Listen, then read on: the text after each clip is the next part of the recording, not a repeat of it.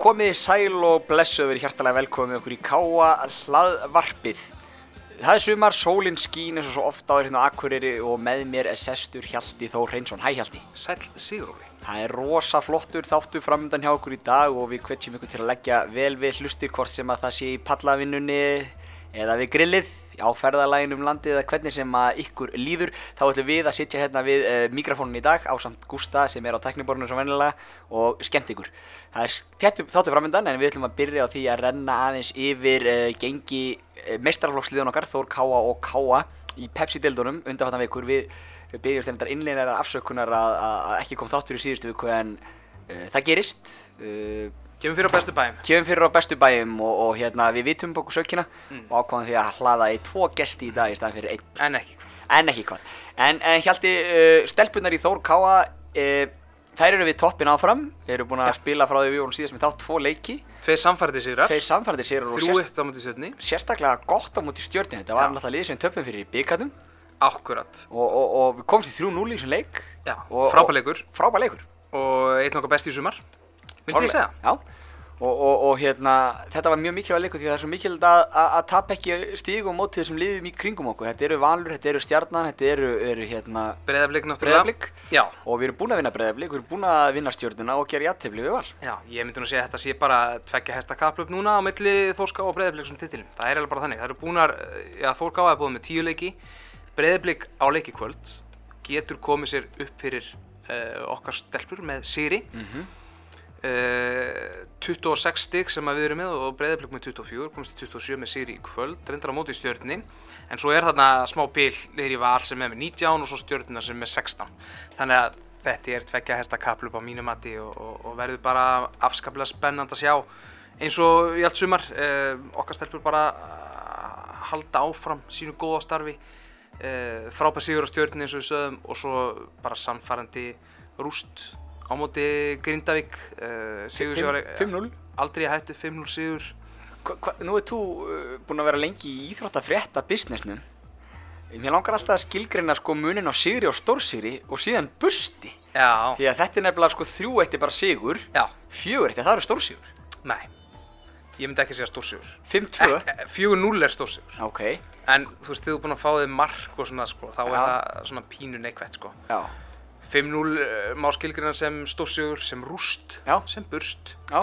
og svo framvegis Já, maður þarf að hafa þetta á hreinu sko. já, eiginlega Það þetta er mjög mikilvægt sko. Hárrétt. En það er tölverið munað eins og segir, kannski á 4-0 og 5-1. Já, algjörlega. Og náttúrulega frábært fyrir okkar stúlkur að halda, halda markinu hreinu. Sandra Maria markaði sér dildinni. Uh, Skoraði eitthvað, ekki á mútið Grindavík? og svo erum við að fá nýja leikmann, Já, mm, nýja markmann. Stephanie Bukovic. já, það er önnu Stefani Já. og það er endur ekki til önnu Bukevits í liðinu en ekki að þá, allavega. Nei, Nei, Sara Mjöll eh, sem hefur verið varmaðmaður er, er að fara til bandaríkina og, og, hérna, og því vantaði einn ein markmann. já, við Eh, náttúrulega eins og, eins og við erum búin að fara nokkur sem yfir þetta sleitt til hana crossbönd í, í, í upphafi tímanbils og hérna, Jóhanna kemur inn og nú er Sara á leiðin til skóla og, og, og ég skil þessi kaup, margir hafa svona sett spurningar fyrir hvað er, erum við ekki með markmann, erum við ekki nýbúin að fá hana Jóhannu Mm. Henriksen en Donni þarf að hafa tvo- markmann aðeingum Já, já, og sýnir sér líka bara að veist, við erum ekki að sækja hvert sem er, við erum að sækja þarna alvöru markmann sem að sýnir bara pínu hvar liðið er. Já. Það er ekki verið að sækja bara einhvern, þetta, þetta bara kemur í markmaður, alvöru markmaður sem að setur press á að byrja alla leiki Já, já, verðum með, með okkur í mestardildinni og þetta heldur upp í standard. Og það er bara það sem að þetta lið þarf að halda. Já, og, og það sem, þú veist eins og segi, við klárum þessi lið fyrir neðan okkur eins og grindaði frekar samfærandi og, og hérna, sem bara frábært, en það sem verður kannski mesta áskorun fyrir stelpunum verður að halda dampi með þessu meistaraldaprógrami sem er í ágúst. Já, það verður uh, mjög svona forvetnilegt að sjá, svona byggaræfintýri, európaæfintýri hafa oft mikil áhrif og ekki alltaf jákvæð áhrif á, á deltakefna. Þannig að það er, er stóra challengeið. Og það verður einmitt, einmitt mjög fróðald að sjá, því að við náttúrulega höfum farið við það líka, að, að hvenna liðið okkar, eða hvenna liðin okkar, þetta, við teflum náttúrulega fram þremur 11 manna liðum hérna á svæðinu, frá sö- 16 ára upp úr, það er annar flokka hvenna, sem er að spila í A-deild og, og tvöfaldir þessi Íslands og byggamestari fyrra. Hamrarnir eru bara í hörku baráttu í inkasso og unnu síðasta leik. Og, og svo er það Þór Káa og, og, veist, þetta er ekki að, það sem kannski þetta er frábært fyrir að það eru verkefni fyrir alla stelpunar, það eru yngri stelpunar í Hamrarlegin sem fá að þroska sér leikmenn. En þetta verður challenge þegar við förum út og spilum meistaraldina vera ekki með kannski enn meiri breytt Já, algjörlega og ég man nú ekki nákvæmlega dagsetninga á Európuleikjurum miðjan ágúst fyrir mig og það er nefnilega þarna fljótlega eftir það er bara hreinlega nánast úsleita leikur hann er reyndar 8. september á móti ká og það er þetta loka prógram uh, breyðablík 8. september uh, Valur 17. og svo stjarnan á útivilli 22. Já, þetta uh, blanda síðan við Európa-kefna þannig að þetta verður uh, mjög spennandi og forhaldinett engin spurning En uh, flottir stelpunum, tveir frábæri sigrar uh, upp á síkastið Og þá skulum við kíkja á strákana. Frá því að, að, að við vorum hérna einmitt uh, síðast að þá hafa komið tveir sikursætir sigrar í hús. Annars vegar gegn Grindavík í Grindavík og síðan gegn fjölinu á heimavellir sem var hérna á fimmtudeginum um ennitmótið Mm. og nokkrar, eða tvær skemmtilega staðrindir annars vegar þetta er fyrst skipt sem náum að tengja tvo sigra í sumar. Já. og þetta var fyrsti sigur nokkar á útivelli. Sem er magnað. Sem er ótrúlegt. Já. Uh, þessi grindavíkuleikur náttúrulega var mjög forvitnilegur og, og litaðist mikið umfjöllunum leikinn á þessu marki sem var dæmt af. Gunnar All Jónsson fór frábæli yfir þetta í klippu sem er meðal annars algengileg núna á vísi.is Mhm. af hverju markið var dæmt af.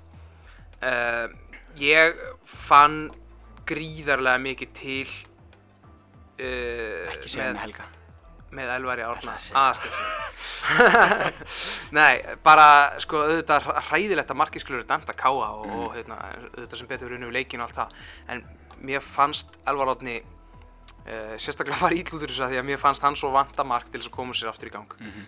uh, Þetta er okkar aðalframherri það sem á að vera Ég veit að það hún var létt ymmit og það var svo sárt að sjá þetta sé hann dæmt af. Uh, ekstra sárt. Elvar hefur verið að vinna mjög vel í sínum málum. Uh, á að vera okkar aðalfað meiri á að vera okkar markaðasti maður. Og núna erum við að fá nýjan leikmann sem við komum betur inn á eftir uh, sem að mun setja aukna press á Elvar. Mm Mhm. Sæþór reyndar farinn. Sæður Á fannig móti. völsung. Og uh, þannig ég fann mikið til með Elvari. En sem betur fer okkar maður í mér kláraði þetta síðan uh, í lokin með alveg geggjuðu marki. Já, og það átti Elvar náttúrulega gríðra stóra þátt í því marki. Heldur betur, það má ekki glemast Nei, en, en, en kannski aðeins að, að, þessari ákvörðun eh, þeir sem vilja hlusta hlutlausa matið þeir hlusta á Gunnar Jarl sem útskýri mjög vel og hafa kannski eh, svona fyrir, fyrir þá sem horfðu á leikinn óljóst lengi vel á hvað að vera að dæma. Mm. ég sá að Helgi Mikael Dómarleiksins liftir hann upp hendinni til að gefa kynnu um að um rángstöðu sé að ræða uh, ég hef spurt nokkra mér uh, æðri menn í knaspinu heiminum uh, þeir hafa ekki spilað meistarósleik ennþá margið þeirra. Þá er það að vera með marg, mörg hundru leiki á bakjunni efstu deild og efstu deildum á Íslandi. Þeir hafa ekki spilað leika ennþá þar sem dómari dæmi rángstöðun ekki línur Já, það er mjög góð punktur af því að það að línuvörðurinn hleypur bara tilbaka og bara dæmi mark. Já þannig að En, eh, það var mjög sérstak síðan er þetta Helgi Mikael sem að tekur þessa ákvörðun að, að, að að dæma á Elvarátna já og hann dæmir sér þetta á að hann hafi Já. hindrað þarna varnamann og verið í, þegar hann var að koma úr rángstöðu Já. og haft þar með áhrif á leikin en mistökin náttúrulega voru þau að úr því að það var ekki dæmt þá þá er komið svo kallar nýtt moment ef að svo maður segja Mhm. eins og Gunnar Jarl útskýrir Mhm. og, og þú getur ekki verið að breyta út af einhver allt öðru momenti lungu setna þegar það hefur þetta væri, engin þetta væri áhrif á bara svipað að starta hálfleik með að dæma vítarspilnu þegar það var brotin í tegi í hálfleik og þú fattaði í fyrir hálfleik og þú fattaði það bara í hálfleiknum og þú fæst í kaffi sko. Já, þannig að þetta var uh, illa framkvæmt, mjög illa framkvæmt Já. og uh, raung ákvörðin að held ég allra mati og það er búið að fara yfir þetta núna í öðrum hlaðvarstáttum og, og á fleiri víkstöðum og ég held að allir hafi verið saman um það þetta var mjög illa framkvæmt og bara ránt en sem betur fyrr þá töpuðum við ekki leiknum eða gerum við Já. þá Uh, værum við ekki í, í, í að tala um leikinn á jákvæðum nótum Hárrétt. Hvað heldur þú samt að hérna, uh, Marin og Axel fær síðan rautt spjald í liði grinda ykkur, hægri bakkurinn hans fekk uh, guld spjald fyrir að stöða skyndisók og káma hann í fyriráleik, púra guld. Hann fær það að margra mati mjög soft seinnagula spjald fyrir brota á Darko Bultovic. mm. Nei, hann fekk ekki brot fyrir Darko Bultovic, hann heiti Milan Joksimovic. Afur aðteklisst slíkt þarna. En Darko. Darko hefur það gott eitthvað staðar úti en, en Milan er hjá okkur. Og hvað fannst þér? Finnst þér að, heldur að Helgi hafi með einhverjum hættir en að vera hann að bæta upp fyrir mjög undarleg mistök eða heldur hann hafi hreinlega bara séð þetta frá þessu sjónarhóttni svona aftan frá síðan sem kemur gordarlega inn í tæklinguna Mm. hann alltaf, eftir að sé þessa klippu tíu sinnum að þá sé maður að Marino fer duglega í boltan og fyrst í boltan og Já, boltin er komið lengst í burtu Já, ég vona að hann hafi ekki verið að reyna að, hérna, að réttla þetta neitt. Ég vona að dómar séu ekki að gera það. Ég held að það væri afskaplega slæmt. Ég held bara hreinlega að sjónarhóttni hafi verið þannig að hann hafi, uh, hérna, það gróft að þetta verðskuldaði guld og mögulega, jú, hann lítur að hafa vita að hann hafi verið með guld. mm -hmm. Uh, kannski svona aðeins og setna að fatta að þetta hefði verið raut, ég veit það ekki. Já. En uh, ekki endilega guldspjald að mínum enda allavega, þannig að kannski grættu við aðeins á því eða vorum hefnir þar. uh, Fjölni sigurinn hérna heimavelli á ennit mótunum var mjög samfærandi Já, og hann var svona bara ótrúlega svona solid, Já. solid sigur sem við þurftum virkilega að halda. bara hreint lag og tvö Já. góð mörg og, og bara í rauninni kannski má segja bara uh, flottur sigur Já, og nú vonum maður líka bara til þess að, að þessi N1 móts leikir séu komið til að vera. Að það sé bara alltaf leikur þegar N1 mót, þetta er bara hefð, þetta er bara hluta af mótunu, fullt af fólki á vellinum, góð stemning, uh, meira þess að áhörðu frá hinliðinu sem við erum ekki vanir hérna á Akureyri. uh, og bara mjög örugur og góðu uh, einhvern veginn svona aldrei í hættu sem er pínu skrítið að segja um fótballaleik en, en, hérna, já. en mér fannst við bara mjög solid Þetta var annar leikur í rauða heimavelli þarna sérst breyðablik fyrst og síðan fylgir, nei fjölnir mm. þar sem við erum ekki að gefa mikið að færum á okkur Já, og það, ég held að Túfa hafi hugsað það bara þegar að við vorum hérna að sleikja botnin, skrapa botnin á dildinni, bara hvernig snýðu þessu við, við byrjum bara vinna í grunngildunum og höldum við bara hreinu laki uh, og reynum á potin einu marki, bara það er grunnurinn að öllu, af því að uh, vörnin verður úr lagi til þess að við getum átt möguleika á að vinna leikina og hann hlýtur að hafa sagt þetta við, við fólkið í kringu sig og leikmennina og, og, hérna, og það er að skila sér. Við fengum visslega okkur uh, marki í Grindavík en, en mér finnst uh, batamerki á leikliðsins Mhm. núna í síðustu leikjum gerum náttúrulega jafntöfli hérna líka í leiknum þar á undan uh, ámundi breyðablík það, sem- það sem voru já, það sem að við fengum ekki okkur mark og var mjög solid varnarleikur í okkur. Við Mhm. gáum mjög fá færi á okkur þar. Þannig að varnarleikurinn í síðustu þremur leikjum hefur verið miklu miklu betri. Já. markmaðurinn okkar er uh, loksins uh, Kristján Martínez. Líka að sína sitt rétt andlit. Já. ég gaggrinda hann hérna í, í hlaðvarpi fyrir á tímbilinu og mér finnst það ennþá að verið rétt með gaggrinni en, en hann er uh, búinn að svara henni núna líka. Og það er mjög ákvæmt að Sama byrjanlið í síðustu tveimur leikjum mm, 60 í hús. Eh, eitthvað eitthva, eitthva um það að segja? Nei, náttúrulega lítil þess að breyta sigurliði. Mm Það verður að breytast nefnda leik, það er eitt leikmar að fara í bann. Já, og náttúrulega mikið talað um Alexander Trinicic sem að fekk fárlegt rauðspjald. Mhm.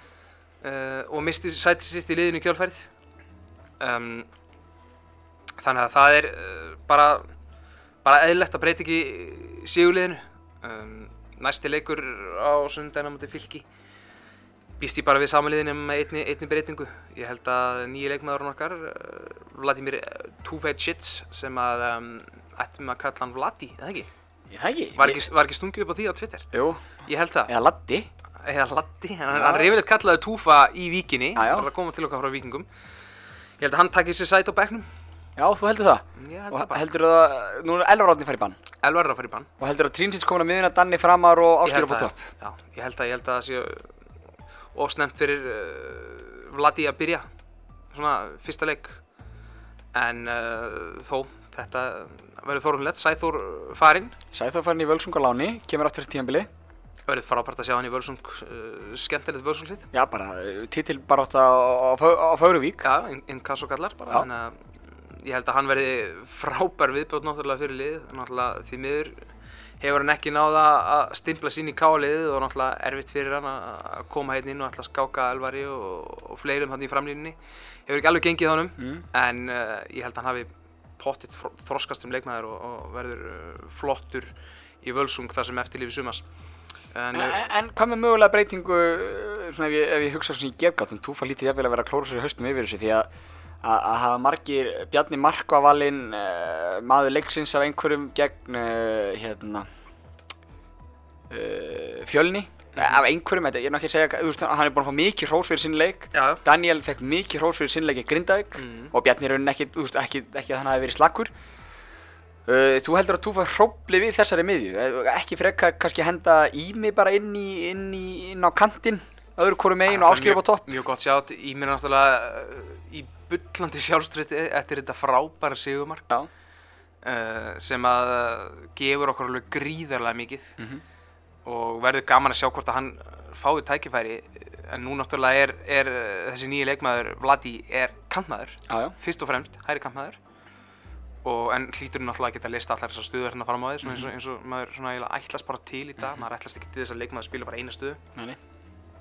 Þannig að það verður líka forhundilegt en uh, já, ég svona gerir ráð fyrir þessu en, þú ert kannski á annara skoðun, ég veit það ekki en, en það verður bara eh, gaman sko, að sjá hvað auðvitað náttúrulega eh, verða menn hafa skipta skoðanur en það er allir að botni kvöld, kvöld þá túfa þjálfarinn og veit þetta best en Mm. ég myndi nú svona reyna að hrópla sem minnst við það er því þægilegsta breytingin að að setja í mig eða, eða Vladi inn á mm, fyrir, Já, já. þú veist, Áskir upp á topp sem að Áskir hefur og Elvar hafa verið í stöðuskiptum í þessum leikjum, jafnvel verið svona gæla við fjóru fyrir tveir einhvern megin já, að setja þá bara þarna fremsta með geira og, og halda miðjunu og þessum öftustu sex leikmönnum óbreyttu því að eins og segja, batamerkja leik liðsins Já, og er ekki vera rétt að og- leika mörgum og já, og varnarleikurinn uh, í heilsinni ekki bara varnarmennir heldur bara varnarleikur liðsins klárlega upplið Mm.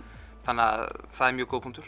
En, eins og sé, við höfður að botni kvöld var það Sörjan Tufasic Tufa sem Já, já. þjálfar liðsins og veit þetta langt best og tristum hún til þess Já, ég segi, það kemur ekkert orðstótt að Tríninsits koma inn á miðuna og, Mhm. og uh, þessi fæsla verður eins, eins og við tölum um náðan. En það er allavega sko, mjög jákvæmt finnst mér að fá að nýja leikmann. Uh, við tölum á eftir við Tómas Þór Þórlásson, uh, stuðnismann Víkings og, og íþróttafréttamann Mhm. og fjölmiðla mógul um þennan leikmann sem er mjög gaman að verður mjög gaman að heyra hvað hva Tommy segir um, um Vladi. Hann kom til Víkings 2015 Já, sama Eh, tíma og Hallgrímur Stengur sem var hjá Viking Akkurat, þannig að þeir hafa spilað saman og þekkjast. Uh, Hann er búinn að spila 60 leiki fyrir Viking, skora 18 mörg leggja upp alveg helling. Fyrsti leikur hans afar eftirminnilegur. Já, 7-1 sigur að keflaði, glaði upp fjögur mörg Já, og skoraði eitt. eitt. Og Hallgrímur Mar skoraði tvö mörg í Já. uh, Mjög spennandi leikmaður. Uh, mikil gæði í honum en eh, svona ég hef heyrt og meðal hans í hlaðvarpi fótbalta.net eða í útastætti fótbalta.net síðasta lögadag var aðeins umræð um hann og þá myndist Tómas einmitt á uh, hugafærið í honum og svona hvar hausin á honum væri. En ég er freka spenntur fyrir því að sjá hann. Ég Mhm. er bara, held að þessi frábæleikmaður sem að Túfa getur gert góða hluti með. Held að hann komi inn með ferska vinda inn í sóknarleikin uh, setja upp smá pressu á hína strákana að fara að standa sér ennþá betur og er bara svona uh, gott búst fyrir okkur fyrir setna hluta tímbilsins Túfa tók einn gluggakaup í fyrra líka veteran uh, hérna, kom í fyrra í glugganum mm. og var heldur betur skarðfyrir skildi og, og Túfa veit hvað hann að gera í þessum leikmannaköp Já, ég held það og, ég held að Vladi sé að fara að spila alveg helling. Eh, það er alveg, alveg fullt af stöðum sem að hann ætti að geta leist sjáum það að það er alltaf eitthvað í gangi það eru fæslur á miðjunni, það eru leikbörn, það eru meðsli og okkur hefur alltaf skort breytt. Í sjálf og sér er breytin ekkert að aukast núna því að Sæþór er farinn. Uh, Samkeppni í liðinu bara. En uh, samkeppnin ætti að aukast og svona með fullri virðingu fyrir Sæþóri ætti, ætti gæðin að aukast þarna líka, þetta er leikmaður sem er búinn að spila á Íslandi nokkur ár uh, búinn að vera í Pepsi-deildinni búinn að spila á hæsta leveli búinn að spila nokkar leiki í sumar í deildinni. Uh, vissulega hefur hann ekki staðið undir vendingum í víkinni í sumar og meðal annars var hann valinn í, í vonbreiða liði tímabilsins á fótbolta.net sem að segir samt ímislegt um gæðin í leikmannum það eru gerðar miklu kröfur á hann og það eru mikil gæði í þessum leikmanni. Þannig ég held að káa sig að sækja frábæra leikmann og nú er bara spurning hvað getur Túfa gert við samlanda sinn? Og nafna. Og nafna, þeir eru að bera sama eftirnafn. Já. Ekki, Eh, ekki skildir samt, búin að spyrja Túfa já, ekki skildir þetta er bara svona eins og, eins og Jónsson eða eitthvað líklega, hann er frá Íslandi eða eitthvað. En uh, verður mjög gaman að sjá hvað hann, hvað hann getur gert og hvort hún getur svona komið ferlinum hans á Íslandi aftur í rétta braut Mhm. og þá síðan hvað gerist eftir tímbilið hvort að hann uh, vilji bara vera áfram að káa eða, eða hvað hann er, Það gerir við okkur stuttan samling bara út tíðanbili út tímbilið á og, og verður þá gaman að sjá framhaldið. Uh, það er press á honum að skila einhverju hérna til þess að halda sér áfram í, í, Mhm. í leiknum hérna á Íslandi.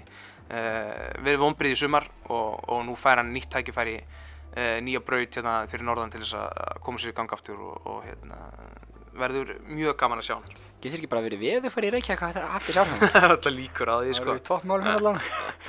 En allavega, við að fara að slá að þráðan til Tómasar uh, Þór, Þórðarssonar. Tómas, K.A. var að fá Vladimir eh, Tuvecic frá uh, Viking, uh, Serbið fættur 1991, kom til Vikings 2015, búinn að spila 60 leiki, skora 18 mörg. Hann hefur verið svona með það orðspor, ætla ég að leiða mér að segja, að kannski sé ekki svona alltaf með hausinlegi og það er svona kannski eitt af því sem að einhverju stuðnismenn K.A. held ég að hafi svona pínu ágjöraf. Er, er einhver ástæði að hafa ágjöraf því? Það er að sjálfsögðu hérna, ástæða til að hafa áhugir að því, með, sérstaklega með hvernig hann er búin að spila í, í, í sumar. Hann er alltaf búin að vera hreint útsatt hörmulugur, það er ekkert annað orð yfir það. Uh, sérstaklega það sem að væntingastuðullin er frekar hár sem að er gerðið til hans, þetta er hörku, hörku helvitis leikmaður. Og á deginu sínum eru, sko þá er ekkert að setja eitthvað marga leikmenn fyrir fram að láta mig túfugitið segja túfa, sko. Þú veist, það er bara það er bara þannig, þannig þú veist, þegar hann er að spila eins og vel og hann getur, þá, þá er ekkert margir á að út á hægri vagnum sem að standa svona snúning og hann getur verið algjör bakvara fellir. Svona hvað er búið að háa hann núna, veit ég ekki, þú veist, hann þykir bara mjög ánæður í víkinni og vildi ekki einu svona fara þráttur að væri búið að vera fristan út á liðinu og hérna svona reyna svolítið að ídónum vinsælegast í einhverja aðra átt. Uh, þannig að það er náttúrulega bara vonandi og ég skil káamenn mjög vel og sérstaklega það sem að að þjálfari K.A. þó að hérna sé alveg stórið mikill laguröringur er, hérna, er samlandans þá hérna telur hann sem vantilega geta eitthvað náð til hans. Spilaði sem sem besta bolta á sín tíma undir stjórn Milos og Milojevic þannig að en ég skil mjög vel að, að eitthvað vilja taka séns á hann og bjóst ekki við einu öðru en að hann myndi fá eitthvað gott lið og ég hef vel betra leir vikingur þó kannski tapna sína ekki eitthvað þessa stundina Um, ástæða til að hafa ágjur en líka alveg ástæða til björnsinni því að nýtt umhverju kveikinu oft í mönnum og, og ef að hérna, og hann verður þetta sóknarvap sem að Káa vantar og hann getur orðið það þá er Káa bara í toppmálum fyrir setni lutansna. Hvernig leikmaður er hann? Hann er bara gríðilega kröftur, ógeðslega fljótur leikmaður sem að getur bæði fengið boltan á, á ferð og getur líka fengið hann í lappir og snúi og uh, mjög gott að svona svolítið loftónum á bakverðina uh, hérna, og yfir bakverðina fyrir hann til að hlaupa því hann Ekki, hann virkar ekkert rosalega stóru, hann er stjarnfræðilega uh, góðu formi. Ógeðslega fitt, hann er ógeðslega sterkur, bara vöðva þræðir, svona par excellence og, og hann tekur bara bakur og snýtið inn ef hann vil. Það getur enginn náð honum, hvernig fann hann á stað með boltan.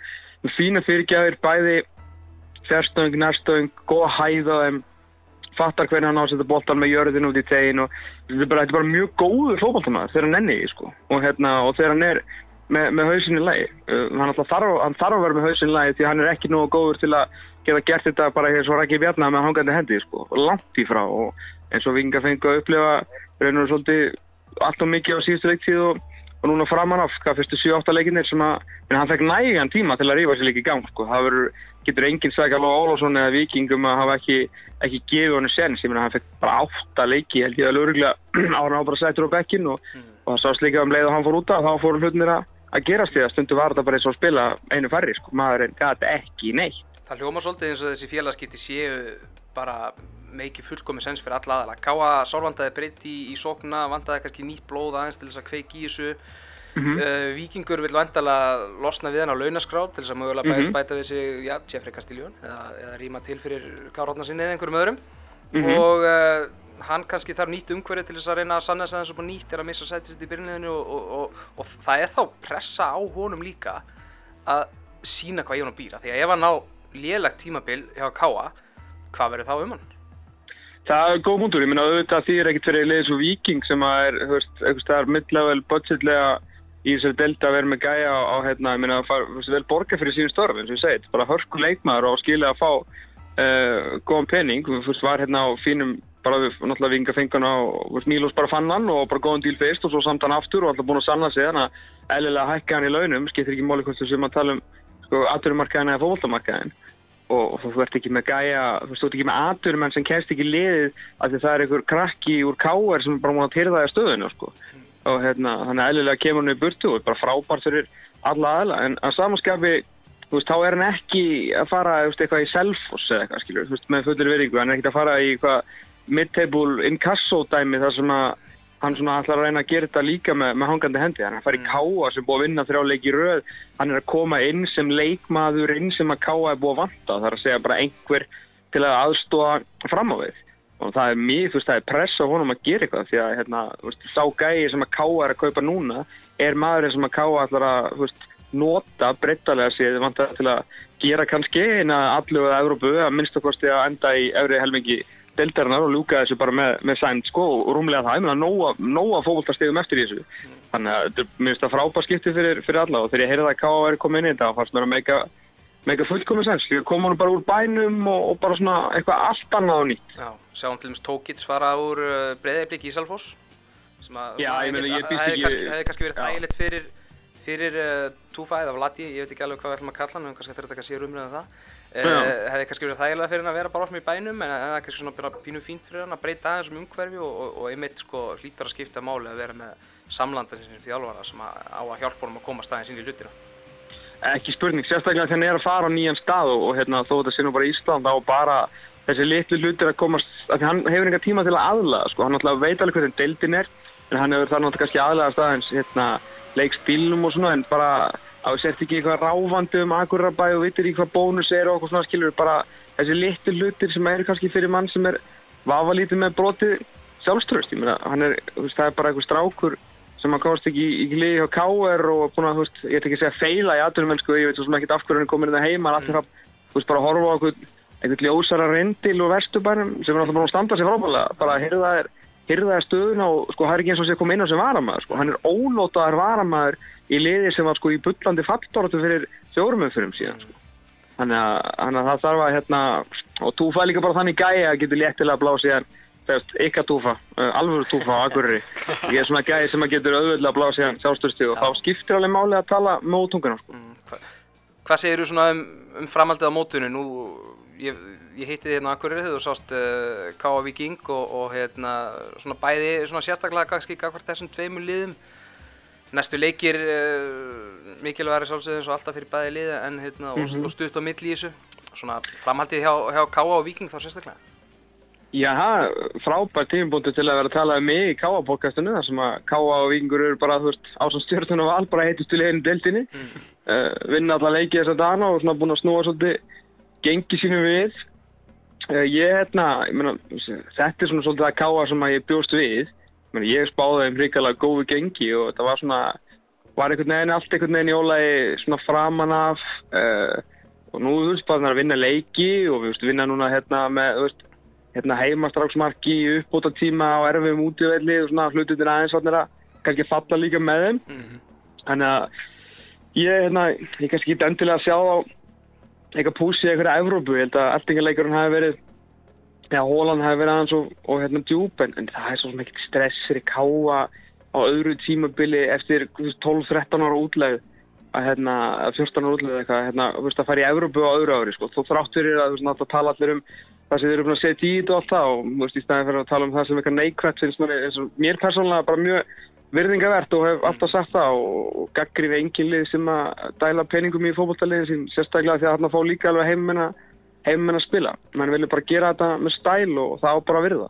Eh, Það er engin fyrir mína parta sko, ekki að nokkur, skiptir nokkur máli hvað mér finnst sko, en þá finnst mér ekkert stress að ká að fara eitthvað Európu núna og þáttur þetta að veri djúpól í byrjun, þetta er bara eitthvað sem menn læra, þú veist, þriða tímbili í, Pepsi á næsta ári verði með lið, þú veist, skilur ennþá úr útfinnu er að bæti kannski eitthvað öðru við og, og þá má kannski fara að gera eitthvað aðra tilöfun, en hérna allu, en, hérna, en, en ég held að setna helgur hjá Ká að verði bara svart og hvít, sko, verði miklu fleiri unnir fókbaltaleikir og, og ég held að það verði bara nokkuð gleðið þarna, sko. Já. Með mínu menn, þú veist, þeir eru að fara í, í gríðalega erfitt program, þetta ræða svolítið upp þannig. Nú er þetta, þú veist, Valur, Stjarnan, eitthvað, þú veist, Breiðablík, Káa, Grindavík í næstu fimm. Það er bara mjög fróld að sjá hvort það er séu bara svona loser killer, sko. Hvort þeir geti tekið þessi liðarni í kringu sig, sem eru búin að gera mjög famalega. Þú veist, þeir eru búin að taka þrjú steg að þreymur um mútið Keflæk, 6 að 6 um mútið Fylki, uh, 3 að 3 um mútið IBVF og eina leiðin sem er búin að tapa fyrir þessar svo kvöldlega bóttbártur er fjölnir sem var alltaf þegar þeir voru upp og setja allra, allra versta.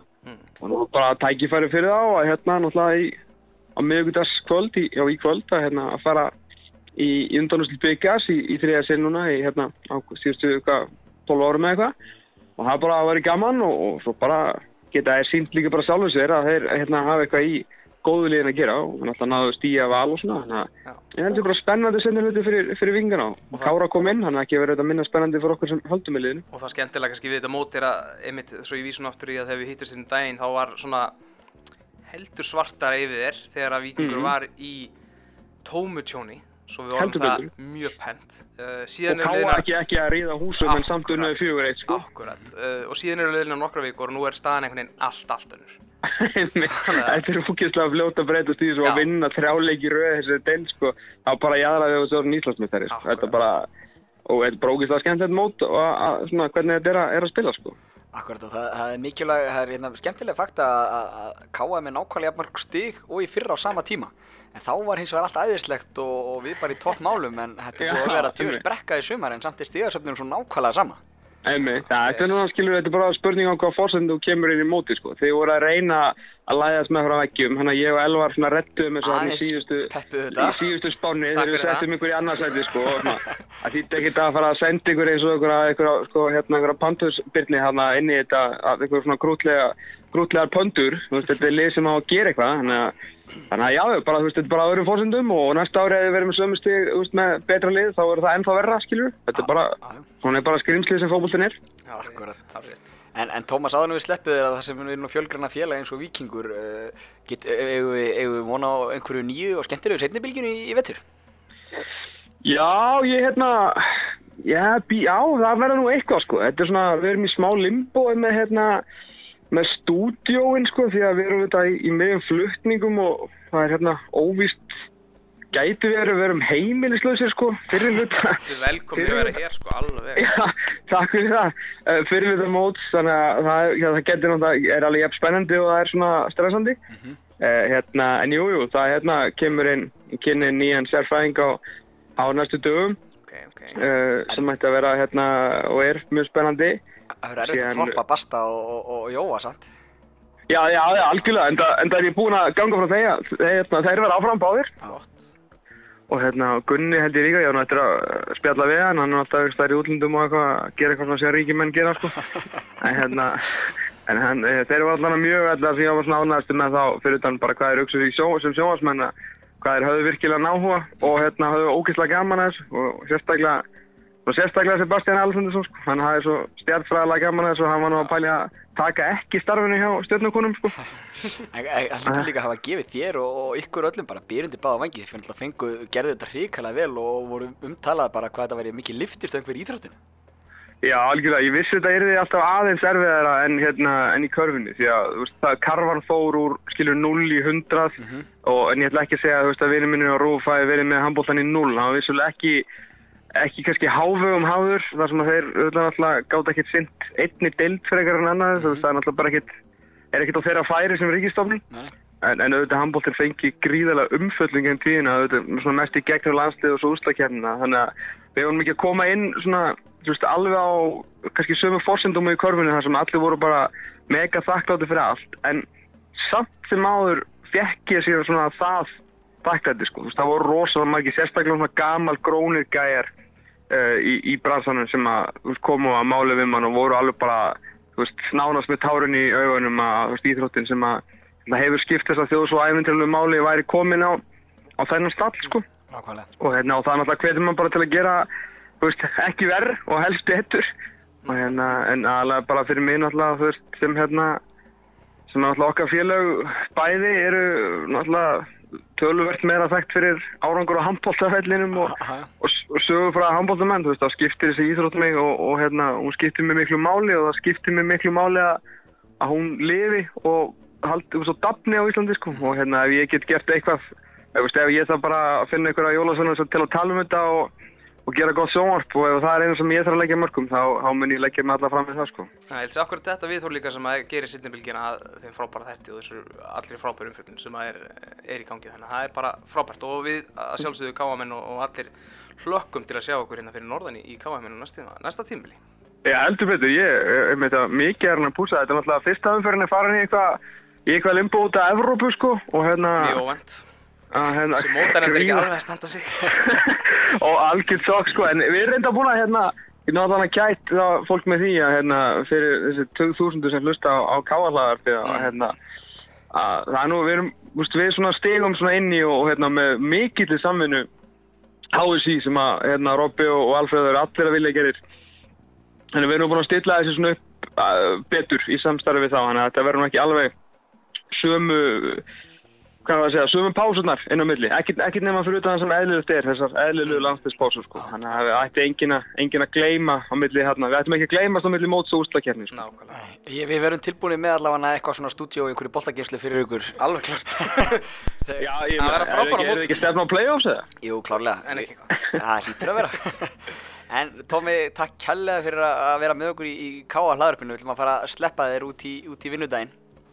Herru, takk fyrir tókar, sjáumst. Bye bye. Takk, bæ.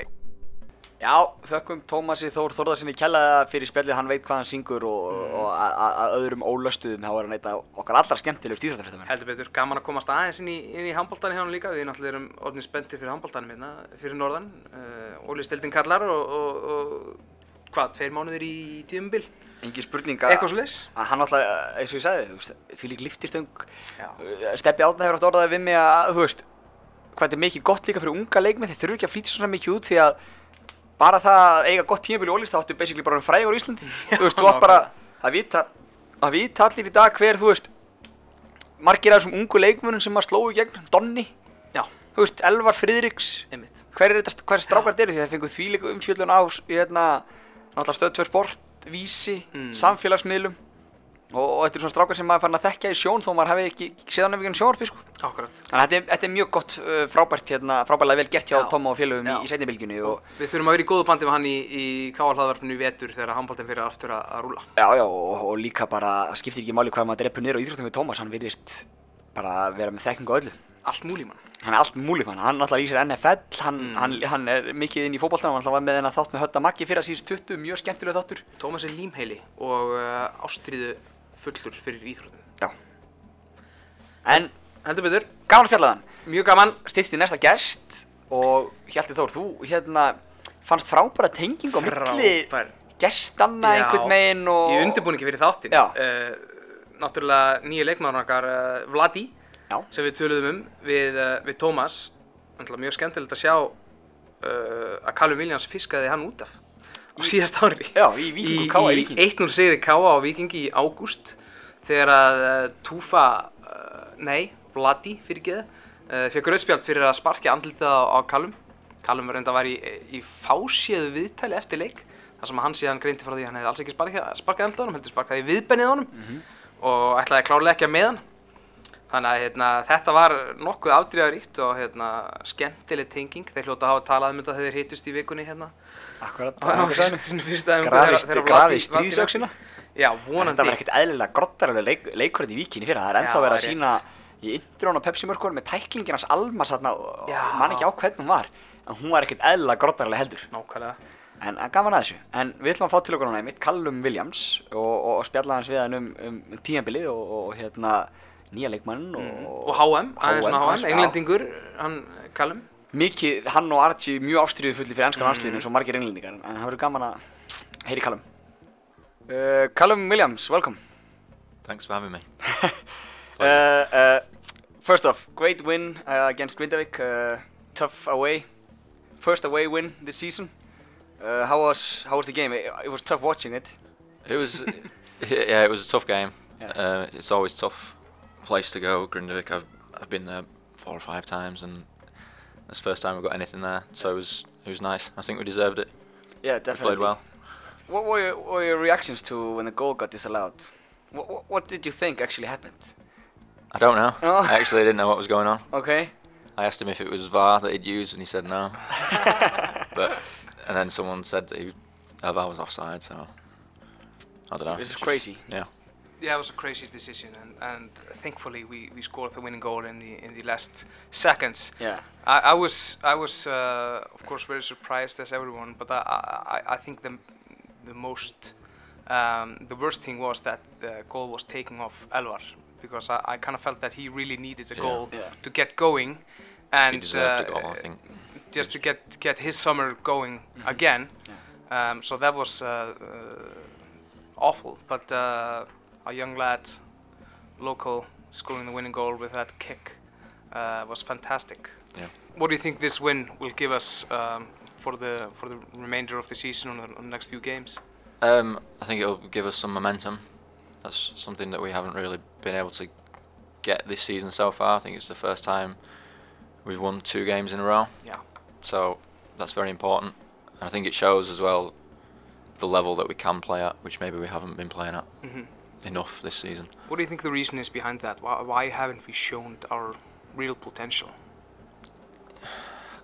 I don't know. It's it's a tough one. I think if we knew, then we would have changed it earlier. Yeah. Yeah, of course. But probably different factors that you know all accumulate into not playing at 100%. But it's Mhm. difficult to to pinpoint Mhm. specific ones. Okay. Yeah, and definitely we've had, we've had also some injury problems. Yeah, we, had, yeah. we we played uh, a good preseason. Yeah. I don't know. Mhm. But what, what do you think about uh, the preseason then? Because there's been talk that uh, Kawa maybe didn't play um, too many games at, at the highest level during preseason. We played uh, opponents here that we beat, you know, 8-0 or something. And uh, do you think that has an effect uh, coming into the summer that w- that we sh- didn't play and you know better opponents? Maybe a little bit, but it's tough when we're up here. It's, there's not a lot of teams that want to come up here or Mm. and play us. But I th- when we did play Breidablik and um, whoever Grin- else we played, Grindavik, yeah, Mm. we always did quite well against them in pre-season. Yeah. So I don't think it's too much of a, Mhm. a factor.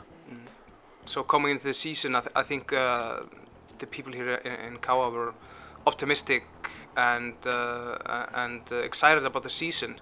Um, what is the mindset of the players uh, coming into the season, and, and has it changed at all, or, or Um, we we had set targets and goals at the start. I, th- I think maybe a few people were a little bit too optimistic. Mhm. You know, we was trying to be realistic. We know we're not. Well, I I think we're not. You know, top four standard yet. I think Mhm. that's that's. I'm not saying we're not good, but it's just being realistic. Yeah.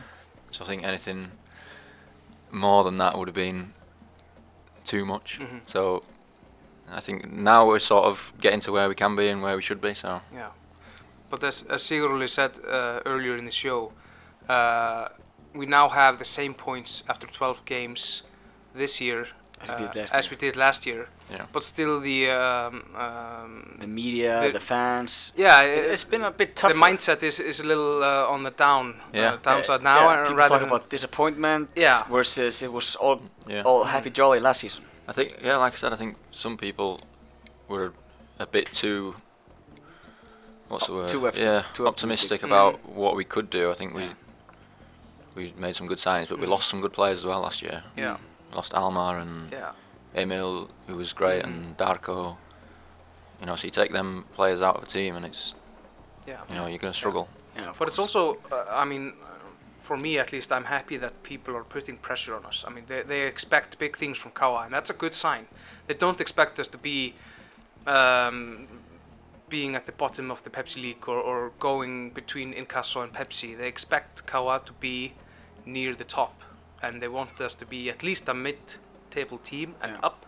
And uh, and I think that's a good thing for the future for for Kawa to to to set the standards there. I mean, Yeah. we don't want to be lower than we are. We want to aim higher. yeah, we have to stabilize ourselves Yeah. as a, Yeah. a mid, top mid team. Still Yeah. second, it's just a second season back, Yeah. yeah. so Mhm. Of course. it's not going to be roses and happy times the whole time. It's going to be, like you say, to get stabilised. Yeah. Yeah. It's going to take a little, maybe a few years. Yeah, uh, you came here back in 2015 when Bjarni was the head coach. Yeah. It got changed in the middle of the summer, and you've been now three. Uh, it's your third year uh, under Tufa. Yeah. Uh, has anything changed? Uh, have, uh, are we just stab- stabilizing ourselves, or, or, or do you see any up, uh, changes? Do you see any improvements regarding to maybe the the trainings, the the players, the the standards, the board sets, or Yeah, there's been, there's been improvements. I think you have to improve if you want to progress. Hmm.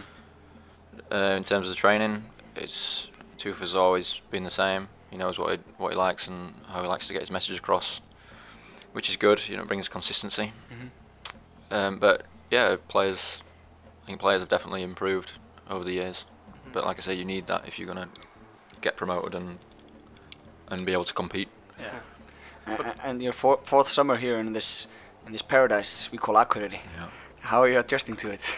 Still loving it. yeah, still loving Yeah, it. no Yeah. complaints. How, how is your Icelandic? Good. It's, it's, a cla it's a classic question. Yeah, it is. Yeah, and you're, you're coaching uh, younger guys as well? Yeah, the Fimtaflokkar, which Yeah. is fun. Yeah. They're good kids. Uh, yeah. So, so we talked just a little bit uh, to go back to the uh, previous question. You talked about improvements. What what do you what do you think? Where's the biggest room for improvement here at Kawa? million, million dollar question. Yeah. In terms of the the Just anything. I mean, what, what does Kawa need to do to go uh, to the the next next level? And I'm not just talking about finding more money or something like that. Just you know, where's the biggest room Um, for improvement? That's a tough question. Um, I think a new stadium would be nice. I know there's, Mm. there's plans to do that. That would make a big difference. Yeah. It'd be nice to to sort of have one that's similar to the other teams in, in the Pepsi. And pl- I mean, it's it's great when we've got the minute. We've got we always play well there, but it would be nice to have a sort of newer stand Yeah. area. Yeah. Um, but other than that, I think it's it's very professionally run. You know, we train every day, most days. Hmm Yeah, I, I don't know. There's not much. another million dollar question then. If Kawa or when Kawa will build a new stadium, uh, it will have artificial turf. Yeah. What is your uh, what are your thoughts on, on grass versus artificial here uh, in Iceland? Uh, I don't mind really. I think it's easier, obviously, to maintain if it's artificial. You know, as long as it's a good artificial, you know it. You know the ball's not going to be bobbling up and down, which is Mhm. nice. But then again, grass is always nice to play on because Yeah. it's very traditional and Yeah, but slide around. It, it, it should probably be easier to keep standards uh, between games when, when most of the teams are playing in artificial turf uh, versus you playing one of the first games here in uh, Akureyri this summer on a terrible pitch, I'm sorry to say, in Akureyri and then going to, uh, let's say, Valur and playing on fantastic turf. Uh, I mean, it's a, it's almost a different sport. Yeah, it is. It's difficult to to adjust, but that's one of the challenges that that we faced, and you know, we played the first two in inside, Yeah, in- inside, indoors. yeah. and then Again. onto grass. So uh, that was quite tough, but Yeah, uh, we can also see it in the next generation because the the annar flokkur, þriði flokkur, they all choose. They can cho- choose. Do you want to play on real grass or do you play, want to play on the artificial turf Mhm. outside? And they all choose to play on the artificial turf. Yeah. And I, I think somebody once mentioned that. I, I'm not gonna. I'm not gonna say it's right or wrong, but someone said that Grimsey is the first kind of player from artificial turf generation. He he he, he likes the ball better when it's Mm. not bumpy and yeah, when it's zipping around. yeah, because yeah. he has so good movements with the ball. Yeah. But uh, Callum, uh, we also have to ask you a little bit about the the World Cup, because Yeah. I know you and Archie uh, from England. Uh, you were really excited about this World Cup. Yeah. Maybe not before it started. What were your expectations going into the World Cup? Quarter final, lose on penalties. That's how Classic. I've been brought up to Yeah. to believe it's going to go. You, you're from uh, Leeds, Leeds, yeah. in Yeah. England, yeah? Yeah. So you've been growing up watching uh, England TP uh, disappointed. Very average. oft, Yeah, very Yeah. average. Yeah. This has been my my favourite Mm. World Cup that I can remember. Yeah. It, there seems to be a different mindset about about England this year. Uh, some people uh, say that uh, the lack of super superstars uh, is one big factor. Others say that the media is portraying the team differently now than they have been earlier, and uh, are um, are praising Gareth Southgate to handle the media differently to other managers. What are your what are your uh, thoughts on, on this? Yeah, I think the media didn't put as much pressure on the team. Mm. It's probably one of the weaker 11 players that would start a game than than, England have had for for a few tournaments. When you look at sort of one to 11, but and I think Southgate had always outlined that it wasn't this World Cup that obviously they were going to try and do as best they could, but the one in four years when It's a young all team. these players, young, it was the youngest team there, and Yeah. so they should all be back again in four years with Mhm. more experience. So Yeah. it's all about the future. Yeah, but generally speaking, um, there's, there's people are also pointing out that England, uh, yeah, they did beat lesser opponents, and then they lost about three games. Yeah. So uh, they did go to uh, to the semifinals, but uh, you know their their level of of uh, playing was uh, very up and down. It, we we d- we did well to get through, but then I think if if Belgium had have lost against us in that last group game, hmm they'd have gone to the final because they would have beat Yeah, Yeah. whoever, everyone that we played. yeah, that was the game that uh, neither team Yeah. wanted to To win. win. Yeah, and uh, Weird. you could say it was smart by Southgate because we got the easy side of the draw, and Mhm. on another day we beat Croatia. But I think Belgium would have beat Croatia, Yeah. so they they could have been playing in a final in- Mhm. instead of a semi-final. Yeah, But overall, um, England positive about this World Cup. Very positive. Yeah. I think it's it's brought a, a sort of a good atmosphere back to, to England, and Yeah. It's the- the important fans for the home of connected. football, like, Oh, like yeah. it said. It's it, definitely. it was coming home for for a few weeks, but then it didn't come home. Yeah. No, it didn't come, not yet. Not yet. Four years. But i it's really interesting to see for us uh, Icelanders who love the Icelandic national team. Um, uh, the the difference between people in England who, who maybe aren't so keen on the national team, they even think that the international breaks during the season are, are interrupting the games Yeah. uh, of their beloved teams. Um, do you think this might change with this World Cup and this? Um, I don't know if you could call it a new generation, but maybe a, a, a, new time now for the for the England side. Definitely. I think it, with it being such a young team, and you know a lot of them are very active on social media. And I think that's something that maybe hasn't been there in the past. So the fans can connect with them, Mhm. and cities like I know Liverpool, Liverpool and Everton. Their fans are all have always they've never hidden the fact that they're club before country, and now Mhm. maybe that might change, and you know we become like other nations where first and foremost it's the national team, and then Yeah. the club second. To the game on Sunday. Big game against Fylkir, home turf. Yep. Uh, how are we going to beat them? We lost to them in Egilsöll in the start of the season. How are we going to change that? We're gonna not concede a goal and score a goal, at least one. we didn't start great against bad. them. Ba- yeah, basic. Yeah, score more than them. yeah. No, I think we we we gave we did we give away an early goal in that game? yeah, we Yeah. Yeah, gave yeah. away two goals in the Yeah. start of the game. It's Mhm. never easy starting two 0 Oh. So, but I think we've it's the first sort of three or four games where the team hasn't changed as much as Mhm. maybe it has before. So I think the eleven that have played the last few are sort of you know getting familiar with each other, Mhm. Which is always good. So, and we've got momentum as well from Yeah. Grindavik and the one before that, so we can take that Yeah. through. And of course, uh, Fylkir are coming off a bad spell. They lost pretty badly to Kauer Mhm. Yeah. last last round. Mhm. So they'll probably come crazy uh, fighting spirit into the game. Yeah. They had a good fighting spirit against us in Egilsöll in, in May. And they will br- bring with them uh, a player that was at the World Cup. Prob- Ólafur Ólafur Ingi Skúlason will, Probably, uh, will be uh, in the Fylkir squad, I believe. Mm. So and a new player for us. Uh, you guys have some. yeah, he kicked me in the face. no, uh, seriously, uh, he's been quite a couple of trainings. yeah, he's trained. looking good. Yeah, sharp. Yeah. Monday, Mhm. Monday, Tuesday trained. I, I always thought he was decent when I played against him. Yeah. So that's why I had to get him sent off that time. So, but no, he's good. It's always good to have competition for Yeah. places. What about you personally, talking about competition? Um, you've played now 10 games, I believe, according to the KSC website, or at least participated in, in 10 games. Um, what were your thoughts before the season?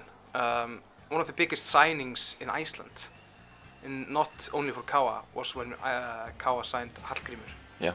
uh, a centre back. Yeah. Uh, what were your first thoughts when, when uh, Kawa signed him? That I would be backup centre back. That's, I honestly thought, you know, I'd, I'd just play a bit part this Mhm. season. I spoke to Tufa about it. He said that he was never worried. I'd always play, you know, 10, 15 games. And I'm happy just to play when and where I need to play, Mm-hmm. wherever that may be. Yeah, and history has shown that Guðmann has uh, not always been uh, available either through suspension or injuries. So uh, the need for three high-quality centre backs, I think, was always always Yeah. glaring. Last few games, Goodman's been telling me that I have to do his running for him, which which is nice. It's good to have such a captain who can tell you to do his running Yeah. for you. Got to keep him happy. Yeah. Yeah, okay. But uh, finally, uh, we've lifted up from the bottom. We're, the second half is still to play. What are our chances? What, what, where are we going? Are you gonna answer the classic, what's just one game at a time? Or, or are you gonna say something we, we want to hear? Say something interesting. Yeah, say something interesting.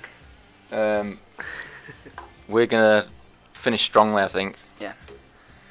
Take each game at a time, maybe two games at a time.